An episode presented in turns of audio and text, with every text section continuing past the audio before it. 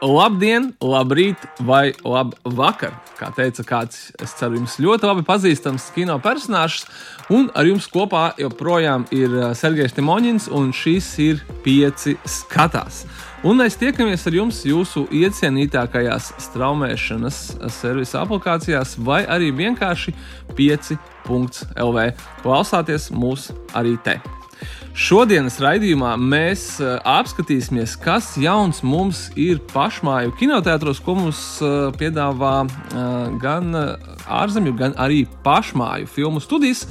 Kā arī mums būs ja, kāds brīnišķīgs viesis vai arī viesņa, bet nu, to jūs dzirdēsiet raidījuma turpinājumā neskatoties uz to, ka šonadēļ turpinās un arī noslēdzās desmitais jeb jubilejas Rīgas starptautiskais kinofestivāls, mūsu galvenais šīs nedēļas kino jaunums.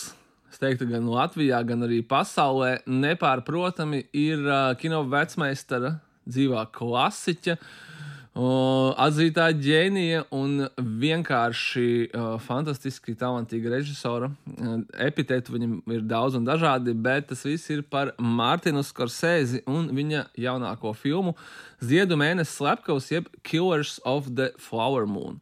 Uh, Mārtiņš Korsēdzes vārds, es ceru, jums ir brīnišķīgi zināms. Īstenībā viņš ir zināms kādu trīs vai četru paudžu kino skatītājiem. Eh, kāds ir eh, sācis eh, iepazīšanās ar Skursēdzes daļradi ar filmām Mean Streets vai Taxi Driver pagājušā gadsimta 70. gadu beigās un 80. gados, kuru režisors turpināja ar filmām Raging Bull, New York, New York, Goodfellas, Casino un daudzām, daudzām citām. Pazīstams ar to, ka darbojās gangsteru kino žanrā, jau pieminētajās Goodfellas vai jeb labie zēni Casino. Pavisam, pavisam nesenā filma The Irishman Netflix platformā arī ar režisora iecienīto aktieri.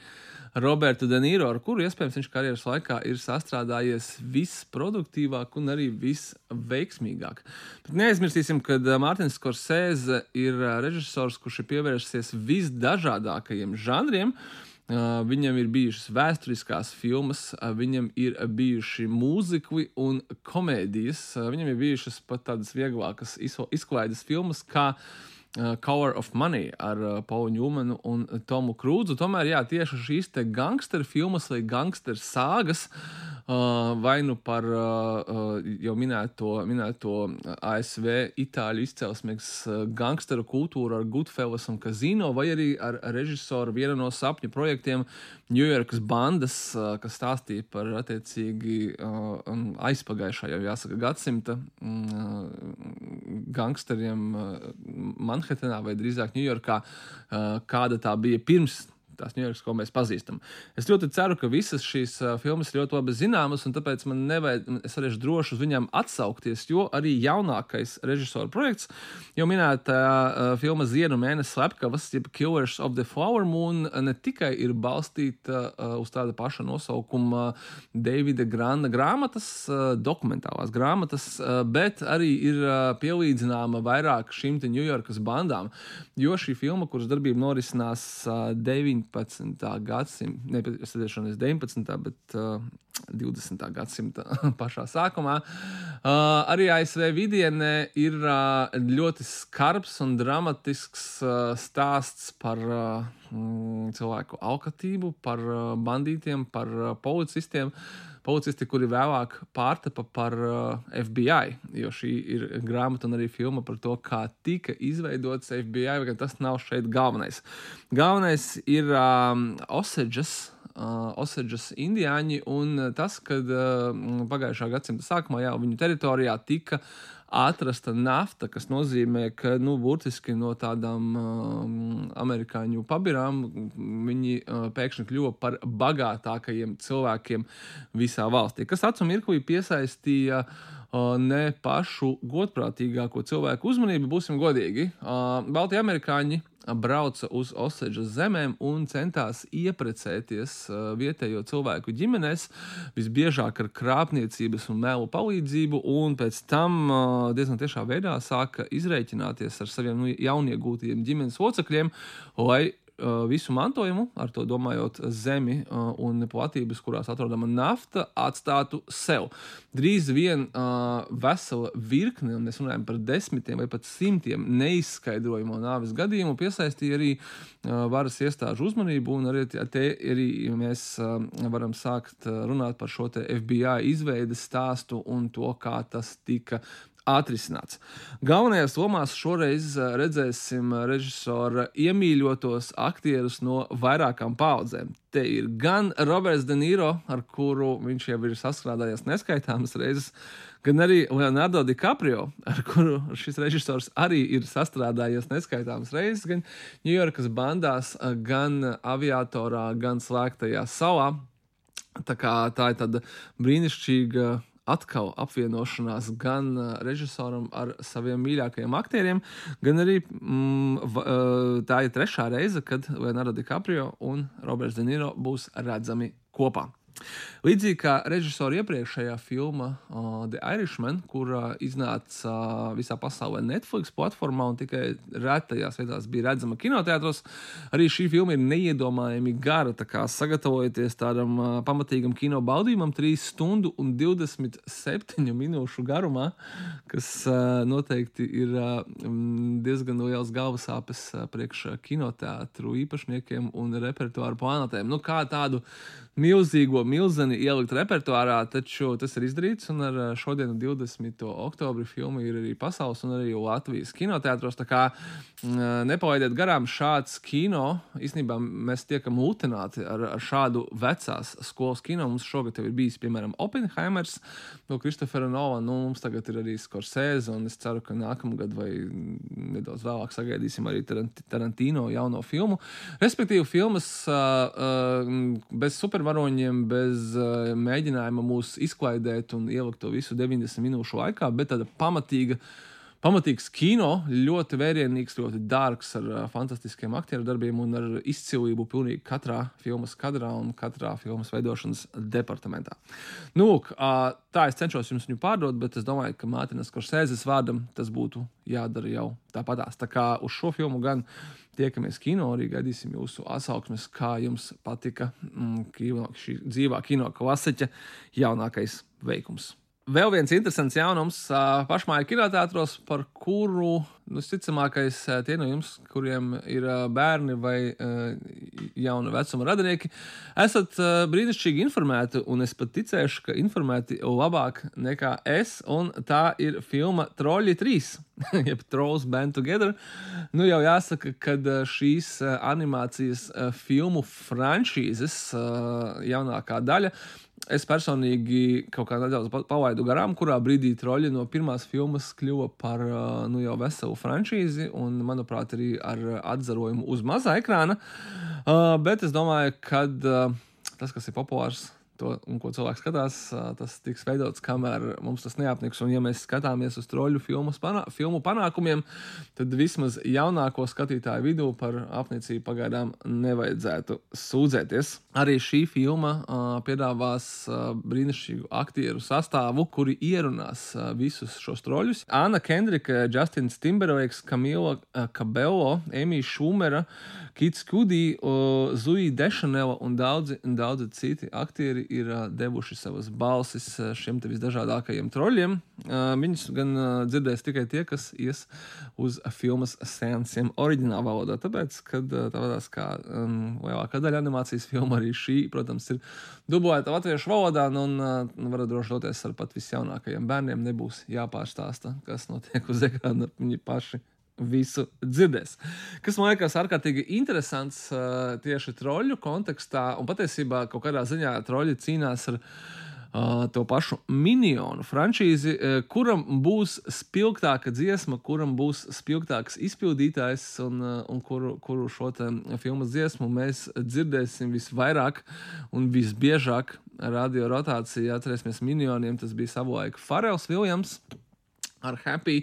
Uh, troļļiem tas bija Justins Timberlakes, un jaunākajā uh, filmā viņš ir padarījis, paveicis teju neiespējamo. Viņš ir atkal apvienojies ar NSYNC, savu kādreizējo grupu, kuru tad ir ierakstījusi šīs filmas galveno dziesmu. Nu, tā, kā saka, cīņas notiek uh, vairākos līmeņos arī ar filmu dziesmām. Taču, ja jūs varbūt nevēlaties uh, atdot savus uh, godīgi nopelnītos līdzekļus aizjūras, aizjūras mūziķiem un troļiem, kuriem, uh, būsim godīgi, tāpatās jau nu, pietiek viņiem uzmanības un, un resursu un visa pārējā, tad ir cita iespēja, kur aizvest bērnus un ģimeni un vienkārši noskatīties kaut ko foršu un apsirdīgu. Un tā ir gandrīz, gandrīz pašmāja filma Ēriks Akmensirds. Gandrīz pašmāja tādēļ, ka filma ir Latvijas, Lietuvas un Igaunijas kopražojums ar, es teiktu, Hollywoodas cienīgu budžetu, gandrīz 4 miljoni ASV dolāru vai jāsaka, eiro droši vien. Tas mūsdienās ir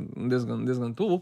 Jebkurā gadījumā ļoti liela summa ir iztērēta uz šo o, ģimenes filmu ar o, fantastikas un o, pasaku un dažreiz arī mistikas elementiem, kas jā, ir tapusi gan ar Latvijas, gan ar Lietuvas, gan ar Igaunijas o, kino veidotāju līdzdalību. Kas ļoti interesanti, tad no Latvijas o, mūsu šajā filmā pārstāv viens cits kā Renārs Kaupers kurš arī tagad ir mazliet kā aktieris, ne tikai mūziķis, kā arī vienu no lomām ir iedubulējusi mūziķa Patriša. Tā kā tāda izcila muzikāla filma.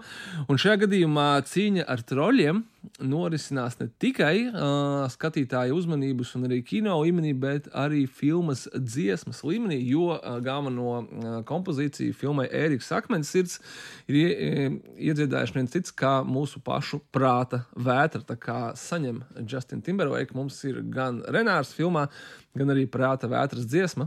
Es ceru, ka uh, Eriks Akmens ir uh, vismaz pašmāja kino repertuārā, tos troļļus arī uzvarēs. Lai gan uh, neklausiet mani, klausiet arī kritiķus visās valstīs, uh, visās trijās valstīs, kas uh, uzslavē gan jaunos, gan arī pieaugušos un pieredzējušos aktierus šajā filmā, gan arī to, ka šī ir viena no Rīgas starptautiskā kinofestivāla mūsu pašmāju pirmizrādēm. Tā kā es domāju, ka uh, kur nu vēl vairāk ieteikumu. Pati filma stāsta par 11-gadīgo Ēriku, kurš eh, ir pārliecināts, ka viņam ir akmens sirds. Uh, viņš uh, viņu dažādas dzīves sakritības kopā uh, saved ar arī 11-gadīgo Mariju un viņas tēvu, uh, bet kad uh, viņa vecāki paziņo, ka viņiem vajadzēs izvākties no uh, viņu patreizējā mitekļa, tad uh, bērni kopā dodas neticamā ceļojumā uz starp pasauli. Kā jau teicu, te ir arī fantāzijas un mistikas elementi, eh, kur iekuļās fantastiskos piedzīvojumus, sastopas pirātus. Vienu no tiem arī atveido Renārs Kaupers un Ēriks uzzina, cik grūti patiesībā ir dzīvot ar akmens sirdi, kas, protams, ir šajā gadījumā metāfora. Tā kā jā, Eriks Akmensirds arī ar šonadēļu Latvijas kinoteātros. Visbeidzot, neaizmirsīsim arī par straumēšanas servisu jaunumiem, eh, kategoriju, kuru es mazliet palielīšos. Kādreiz pieci skatās arī bija pirmie, kas ieviesa līdzās uh, kinoteātra repertuāriem, un kura, protams, pēdējos gados ir kļuvusi tikai un vienīgi aktuālāka. Seriāla cienītājiem aicinu pievērst uzmanību uh, Netflix platformā četru sēriju britu miniseriālu, un tas ir arī pie mums populārajā krimināla seriāla žanrā ar nosaukumu Badijas, jeb ķermeņi. Šoreiz gan seriāls ir ar ārkārtīgi, ārkārtīgi interesantu sinopsi, jeb premisi. Katra sērija norisinās vienā un tajā pašā vietā. Tā ir Londona, un uh, ir veltīta kādas uh, šaušalīgas slepkavības izmeklēšanai. Taču uh, Uh, visām slepkavībām ir kaut kas kopīgs, bet katra sērija norisinās savā laika periodā. Respektīvi, uh, Viktorijāņu Anglija, 60. gadi mūsdienas un samērā attāla, nākotne parāda mums uh, šo pilsētu no četriem atšķirīgiem skatu punktiem, un vēl arī šis seriāls pastāstīs, kāpēc visi šie, no, visi šie uh, noziegumi, visas šīs slepkavības savā starpā ir kaut kādā veidā saistītas. Vai tā ir mistika, vai tas ir kaut kas cits, to uzzināsiet paši. Bet, manuprāt, jā, šis ir viens no intriģējošākajiem šī žanra seriāliem, kas ir sapratis, ka uh, ir mazliet jāpaspēlējās varbūt ar formu, tāpēc, ka no vienkārša šaušalīga nozieguma atrisināšanas cilvēki pamazām jau sāk arī nogurt. Bet uh, par cik uh, mums tuvojas Helovīns, Mums jau ir iestājies, iestājusies gada tumšā sezona, un skaidrs, ka mums gribās kaut ko spocīgu, bet par cik ASV no, joprojām norisinās aktieru streiks, ir tikko beidzies scenāristu streiks, un tas ir atstājis, protams, savus iespaidus arī uz traumēšanas servisu piedāvājumiem tad studija Disney un viņas traumēšanas servisa Disney puses ir sapratis, ka tā vietā, lai filmētu kaut ko jaunu priekš šīs Halloween sezonas, viņi varētu uh, mazliet pieaubot kaut ko, kas viņiem jau ir eksistē. Tāpēc šodien, ar 20. oktobri, Disney puses traumēšanas platformā meklējiet uh, Marvel Studios supervaroņu īsfilmu, lai gan viņi ir 50 minūtes gara, bet joprojām skatās īsfilma Werewolf by Night Uh, tomēr šoreiz krāsotā versijā, jau, ja jūs atceraties, tad precīzi pirms gada Werewolf by Night jau bija iznācis šajā straumēšanas servisā, bet uh, par cik šī uh, Marvel pasaules tāda atsevišķā nodaļa par vilkačiem, vampīriem un citiem pārdabiskiem mošķiem bija izpildīta atsaucoties uz uh, pagājušā gadsimta 30. un 40. gadu mm, melnbaltajām šausmu filmām arī par šiem te vilkačiem, uh, vampīriem un Frankensteina monstru. Tad šoreiz mēs viņu varam noskatīties, šogad mēs viņu varam noskatīties krāsainā versijā. Nu, ja Haudas, es ceru, ka Haudas streiki beigsies, un nākamgad mums nebūs jāpiedzīvo Werewolf by Night vēl kādā citā versijā, uh, 3D, 4D vai kādā, kādā citā. Mēs tomēr skatīsimies kaut ko jaunu, bet Ja esat jau redzējuši, vai vēl neesat redzējuši, un gribat dot iespēju, tad nu, skaidrs, ka daudziem cilvēkiem krāsains vienalga liekas labāks nekā melnbalts. Es arī, godīgi sakot, ar lielāko prieku noskatīšos to vēlreiz un novērtēšu, kā tad ir labāk. Kas attiecās uz repertuāru jaunumiem kinoteātros vai straumēšanas servisos, tad šoreiz tas ir viss, bet mums ir vēl palikusi jau pieteiktā intervijas daļa. Un mūsu šīs dienas raidījuma viesis, viesņa, ir uh, Dārta Ceriņa, Rīgas starptautiskā kinofestivāla kuratore, kā arī Holivudas ārzemju preses asociācijas biedre. Tas nozīmē, ka uh, Dārta ne tikai izvēlās, ko mēs skatīsimies Rīgas starptautiskajā kinofestivālā, bet arī balso par tādu balvu kā Zelta globus, kur domāju, ka uh, daudziem no jums ir ļoti labi zināma. Jā, sveiki, Sergei. Es gan Labi. uzreiz papildināšu, es neesmu gluži biedre. Okay. Es esmu starptautiskā balsotāja. Okay. Un tā, tie ir divi dažādi statusi. Tas nozīmē, ka man ir katru gadu, un arī tagad kolēģiem no Latvijas, kas ir Sonora Broka un Kristīna Simpsona, kas arī tagad ir um, Hollywoods uh, ārzemju preses asociācijas starptautiskais vērtētājs, mums ir katru gadu jāpārliecina šī asociācija, ka mēs vēlamies un varam. Mēs esam tā vērts. Uh, tas kā, ir tie, tie īstie biedri, kuriem nekas nav jāpierāda vairs, un tad esat jūs, kas, kuriem jāpierāda. Jā. Kā notiek šī pierādīšana? Pierādīšana, patiesībā sakot, vienkārši tu uzrādi savu darbu. Tad, tad viss, ko tu esi gada laikā, dažādos mēdījos, dažādos formātos, radio, televīzija, kritikas, drukātajā digitālajā presē, visur citur tu to apkopo un tu iesniedz un mēģini pierādīt to, ka tu nodarbojies gan regulāri ar kino kritiku vai kino žurnālistiku. Un, un tas arī ir īpatnēji, piemēram, mums Latvijā ir citādāka situācija, ko mēs saprotam ar regulāru kritiku, rakstīšanu, publikācijām un tam līdzīgi. Tad, nu, piemēram, Losandželosā vai vispār Ziemeļamerikā, nu, regularitāte ir tāda, nu, ka tev vismaz ir viens raksts vienā vai divās dienās. Nu, tas tiek saprasts ar regularitāti. Aha. Es biju domājis, ka šajā kā tiek pierādīts, vai, teiksim, tas tur nacionālajā televīzijā, vai, teiksim, kaut kāds tirāžas apjoms vai kaut kas tāds. Respektīvi, tu jau arī blogā rakstīt katru dienu kaut ko.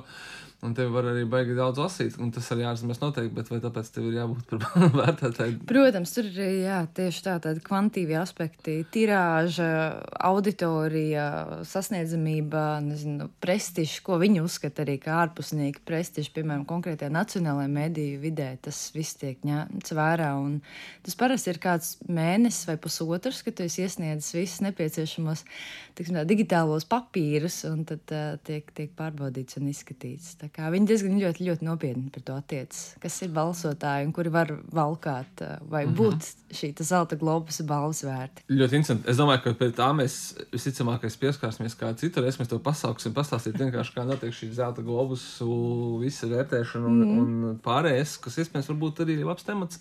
Tuvāk, ka nāks arī pati zelta globusa pasniegšanas balva mm. tā ceremonija. Bet šodien gan mēs to ierakstām. Uh, šo sarunu ierakstām ar tevi brīdī, kad Rīgas starptautiskais festivāls jau gandrīz, gandrīz ir izskaņā. Līdz ar to tu var, varēsi ieteikt tikai filmas, kuras būs pēc festivāla.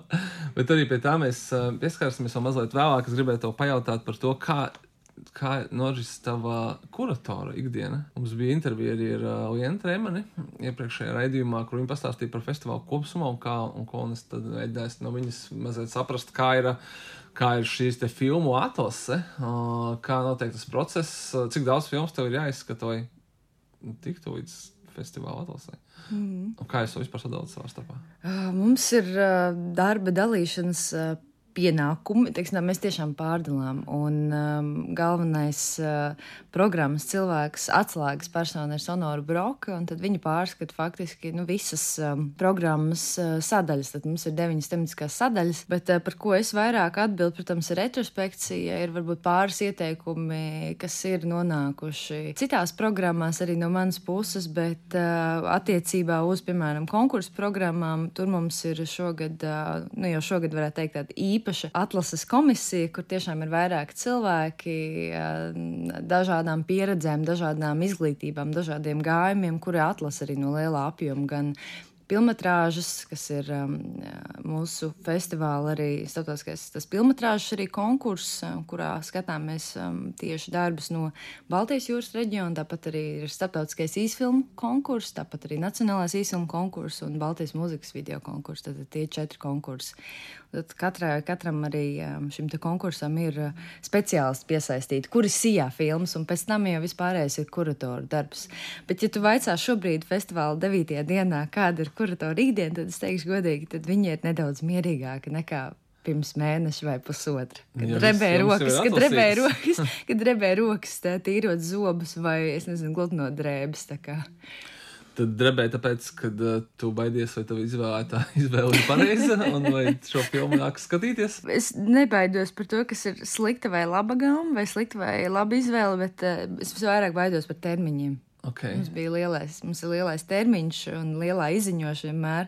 Katru gadu mēnesi pirms uh, festivāla norises um, mums ir jā, šī lielā, lielā visas programmas izziņošana. Tad visam ir jābūt līdz, līdz pēdējai podziņai izstrādātam, aprakstītam, papildinātam. Vienkārši mēs mēģinām visu, visu, visu sagatavot maksimāli, lai skatītājs uzreiz var ienirt arī jā, tevis simts filmu piedāvājumā. Vai jums ir bijis tā, ka esat izziņojuši un kaut kas izkrīt ārā būtisks, ņemot īpaši vērā mūsdienās, kā visu laiku kaut kas bīdās, filmas pārcēlās, varbūt tas mazāk attiecināms uz Eiropas kino, un, bet, teiksim, tur Holidā streiko mm, gan scenāristi, gan aktieri, mm. un līdz ar to ir kaut kas, tā kā saka, tiek bīdīts, un tas jau ir diezgan ierasta praksa. Vai mums kaut kas izkrits, nu tādā varbūt pārunu posmā bija skaidrs, kāpēc bija atsevišķi varbūt filmas, pie kurām mēs nevarējām nokļūt, arī ņemot vērā arī notikumu Ziemeļamerikā, gan uh, scenāristu, gan uh, gan ekrāna aktieru, arī ģildes streikus, bet uh, neteikšu, ka šogad tas ir mūsu kaut kā īpaši skāris. Nu, tādi globāli procesi. Jā. Tā kā viss vis plānotais pa lielam ir parādīts. Ir, ir. Vienīgās, varbūt, detaļas ir, uh, kuru filmu mēs um, vēlamies, teiksim tā, mērķēt vai piedāvāt vairāk tiešaistē vai, vai teiksim, klātienes seansos. Tas ir varbūt tāds pēdējais risināmais arī jautājums. Jo mēs arī paralēli, protams, klātienes seansiem Rīgā, arī uh, kinoteātros Plempelis un Fórum Cinemas esam arī visā tiešais, visā Latvijas teritorijā arī tiešaistē. Līdz pat festivāla beigām un tāds pelnušķīts laiks mums ir noteikts vienu minūti pirms pusnakts, kad filmas ir skatāmas. Tā kā, nu, mēs arī mēģinam arī izkāpt no šī tēla, ka visa kultūras dzīve ir savā ziņā viņa aug un mutuļo tikai galvaspilsētā. Un, um, mums ir skatītāji taču visā valstī, un uh, mēs no tā arī mēģinām kaut kā izgaņāties un, un, un atkāpties. Kad, kad jūs plānojat repertuāru, tas, ko tu kamēr stāstīsi, es iedomājos, ka uh, daudz cilvēku nāk, viņi liek savus uh, festivāla filmu sarakstus, un kad viņi uz ko ies, uh, tad, kad jūs plānojat repertuāru, jūs ņemat to vērā, ka būs cilvēki, nu, ko nepārklājās seanses savstarpēji, un kad, kad varētu no vienas seanses aiziet uz otru, un pēc tam atkal uz trešo, un noskatīties, un uh, nebūtu jākavē ne sākums, ne beigas. Mm, mm. Man gan uh, bija šogad uh, īpatnējs. Es pat trīs savstarpēji nesaistīti cilvēki vaicāju par Akiju Kauras Mekiju kritušiem lapām un par Selīnas songas pagājušās dzīves, kas it kā esot pārklājušās. Mm -hmm. Uh, uz kuru filmu tad īsti iet? Jo tad sanāk, vienai filmai, vienai filmai tiek uh, kavētas beigas, lai apmeklētu otru sākumu, vai arī tad faktiski viena filma tiek nos, noskatīta līdz galam, un tad otrai filmai ir uh, sākums palaists garām. Uh, Um, tā ir sakritība. Uh, es teiktu, ka mēs vairāk plānojot uh, pašus uh, filmu sēnus, domājam par pašu šo programmas sadaļu loģiku. Kad mums ir, teiksim, svarīgi būt koncentrētiem, domāju, piemēram, par starptautisko filmu konkursu, kas parasti tiek izrādīts trijās, četrās dienās, un tad ierasts tas ir vairāk saistīts arī, protams, ar industriju, kad ir arī starptautiskie viesi arī klātesoši. Un, um, mūsu loģika vairāk ir saistīta vēl ar paralēliem procesiem, ne tikai ar, ar publisko skati. Tāpat arī, piemēram, retrospekciju mēs, mēs arī saprotam, mēs zinām, ka visi varbūt nevēlas iet uz retrospektīviem seansiem darba dienās vai darbdienu vakaros, un mēs to piedāvājam kā, nu, varbūt vēlāku pēcpusdienas pieredzi, uh -huh. vai ir iespējams vēl pēc tam kaut kur aiziet, vai arī pirms tam kaut ko redzēt. Tā kā tur ir ļoti, ļoti daudz dažādu tādu sadzīviski, praktiski. Um, profesionāli, kontekstuāli iemesli, kāpēc tieši programmas seansa laika izskatās tieši šādi. Ņemot vērā tavu noteikti, nevis noteikti, bet absolūti droši milzīgo arī pasaules festivāla pieredzi, ko tu ieteiktu mūsu klausītājiem, kā darīt? Tad ir jāiet prom no filmas vai paspēt uz nākamā sākuma, ja jāskatās uz beigām. Tas, mēs zinām, ka visos kinofestivālos ir šī problēma, un tā tas vienmēr notiek. Par to nerunā. Par to kino cilvēki nerunā. Skrien fināla ārā, fināla laikā ārā cilvēki vienkārši baros, jo kaut kur sākās kaut kas, un vēl jāpaspēj ir iestāvēt rindā, paņemt kafiju, iet obēdīcībās un sākt. Vai arī jāskatās uz beigām, un tad jāvērš sākums. Jā. Nē, bet nav pārspīlēts, ka tā labā etiķete ir tāda, ka nu, tas ir tas, ko nu, sērijas, ko tev kino profesionāļi nestāst. Ka visi arī, protams, rāda priekšstatu, ka visas filmas ir redzētas līdz galam. Uh, Es mēģinu palikt līdz pēdējiem, cik vien es varu. Tiešām, ja tur ir kaut kāda seansu pārklāšanās, un ja es jūtu, ka tā filma vai nu, nezinu, nav tieši saistīta ar manu kaut kādu profesionālo mm. interesi, vai arī es varbūt zinu, ka šo filmu es pēc tam varēšu redzēt eh, nezinu, Latvijas kinoteātros, vai es varēšu redzēt kādā traumas platformā vai kur citur. Es uh, apsveru, apsveru situāciju, tīpaši, ja tie ir vēlie seansi festivālos. Uh, Uh, it īpaši, piemēram, vēlo sēnes, tāds kults ir uh, Venecijas kinofestivālā. Tad, tad ja filmas sākas arī kaut kādos 10, 11 vakarā. Un, ja tu jūti jau, ka tu klanies uh, jau kādu pasmito reizi, nu, tad es domāju, ir, ir vērtīgāk, uh, ņemot vērā, ka varbūt ir trīs vai piecas dienas gaidāmas festivālā, tad varbūt ir vērts iet mājās pagulēt. Es domāju, tas ir, tas ir ļoti svarīgi, kad, uh, tu zini, ka pēc filmas tev vajadzēs atgriezties, nu, tad tu gribēsi to darīt. Ticamākais, uh, tu skaties viņu vēl, vēl vienu reizi, lai noskatītos līdz pašām beigām. Pretējā gadījumā droši vien, kad ja tu zini, ka tu nekad pie viņas neatgriezīsies, tad tu, tad tu vari iet ārā. Nu, jā. es saprotu, ka Venecijā tas ir vairāk ekonomiski apsvērumu dēļ, jo, ja tu mm vēl beidzās un tu esi tās lidos salas, kur notiek festivāls, tad uh, tev jābrauc uz kaut kur citur, kur tu dzīvo ar to ūdens taksi, kurš droši vien tāpēc ir dārgāks pēc 12. Tad, tad, tas viss ir. Nē, viņiem tur, nē, tur viss tādā nē. ziņā, nē, nē, nē, tur nav, tur nav nekāda, nekāda dārdzība attiecībā uz, to, uz transportu vai infrastruktūru, bet es drīzāk domāju, ka tas ir saistīts ar to, ka viņiem tiešām ir liels tas arī filmu apjoms, pat lielāks Venecija kā Kānās kopumā. Uh, rēķinot, un, uh, un arī vēl paralēlās skats, un vispārējais viņiem arī ir virtuālās realitātes kino sadaļa, un tas ir. Uh, nu, tās 10, 11 dienas, kad parasti festivāli arī notiek, tad arī Rīgas kinofestivāls tu maksimalizē visu, tu saliec visu agri no rīta. Un tie pirmie sēnesi, kas ir gan Kannu, gan Venēcijas, gan Berlīnas pieredze, sākas 8, 8, 39 pabeidzis, ja Jānis 9.30. um, bet, uh, bet tā ir, tā ir ļoti skaista jā, ikdiena. Um, jā, man ļoti patīk uh, tas pilnās, intensīvās kino skatīšanās dienas. Tiešām es novērtēju. Un tad nav arī tā, ka tu negribi kādu ilgāku laiku skatīties kino, bet vienkārši Tad ļoti patīkama sāta sajūta. Tāpēc es tieši gribēju pajautāt arī uh, par to, ko tu jau ieskicēji, kad cik daudz kaut kas redzēts ir. Mm. To, ko mēs, jā, un par to, kad, uh, kad būs iespēja šo filmu redzēt arī vēlāk, tad, uh, tad um, ko tad mums būs iespēja redzēt vēlāk, vai arī drīzāk sev pajautāt tā. Uh, ņemot arī vērā tavu šī gada festivāla pieredzi, ko tu esi redzējusi, ārkārtīgi spilgtu, ko tu varētu ieteikt mūsu klausītājiem, kā kaut kas, kas viņus jau tikai sagaida, kā tas interesants.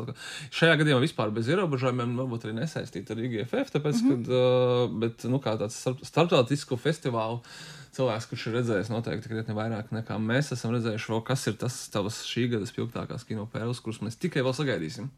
Nu, es mēģināšu notvert visas, visas tavas kritērijas kopā, kas vēl tomēr ir patiesībā sakot arī notverams festivālā un kam ir eh, visai lielas izredzes arī nonākt pēc tam Latvijas kino repertuāros un es domāju arī daudz kur citur. Man uh, jūlijas sākumā Karlo Varos eh, Čehijā notiekošajā festivālā, kas arī ir līdzās Kanām, Venecijai, Berlīnē, viens no sanākajiem un arī Um, es teiktu, arī mākslinieciski saistošākajiem festivāliem, kas fokusēs vairāk uz uh, Austrum Eiropas, Centrāla Eiropas kino veidotājiem un, un uh, ekrāna darbiem. Um, man ļoti patīkams pārsteigums bija Ernsta Dijāra, Zviedru kino režisora scenārista debija Hipnoze, kas arī nokļūsi Rīgas starptautiskā kinofestivāla, arī uh, Nordic Highlights, uh, Ziemeņvalstu programmas, arī um, filmu izlasē. Tas ir um, tas, ko mēs ļoti bieži arī dēvējam arī sociālos tīklos par uh, sveškaunu. Tad es viņu dēvēju kā tādu sveškauna žanra kino darbu par uh, 30 gadniekiem, uh, mobilo aplikāciju izstrādātājiem, um, kuriem ir jādodas redz, kur uz um, investoru uz vejas pasākumu, tad īsi pirms tam, tad, tad no šī pār. Um, Arī dāma vārdā Vera ir devusies uz uh, hipnozes seansu, lai atmestu smēķēšanu. Vispārējais līdzīgi varbūt kā pasaulē sliktākais cilvēks, kas ir uh, Johim Trīra darbs, ko, ko Latvijas auditorija zina, atpazīst, tad arī uz tādām līdzīgām, es pat teiktu, vēl šarpākām arī intonācijām arī tiek risināts stāsts. Tā kā, tas man liekas tāds brīnišķīgs, brīnišķīgs debijas arī piemērs. Um, Man patiesībā sakot, žēl, nav īsti zināms, kas varbūt Latvijas kontekstā notiks ar um, Jonatana Glazera, britu kino režisora, manuprāt, tiešām vizuāli optiski brīnišķīgo darbu.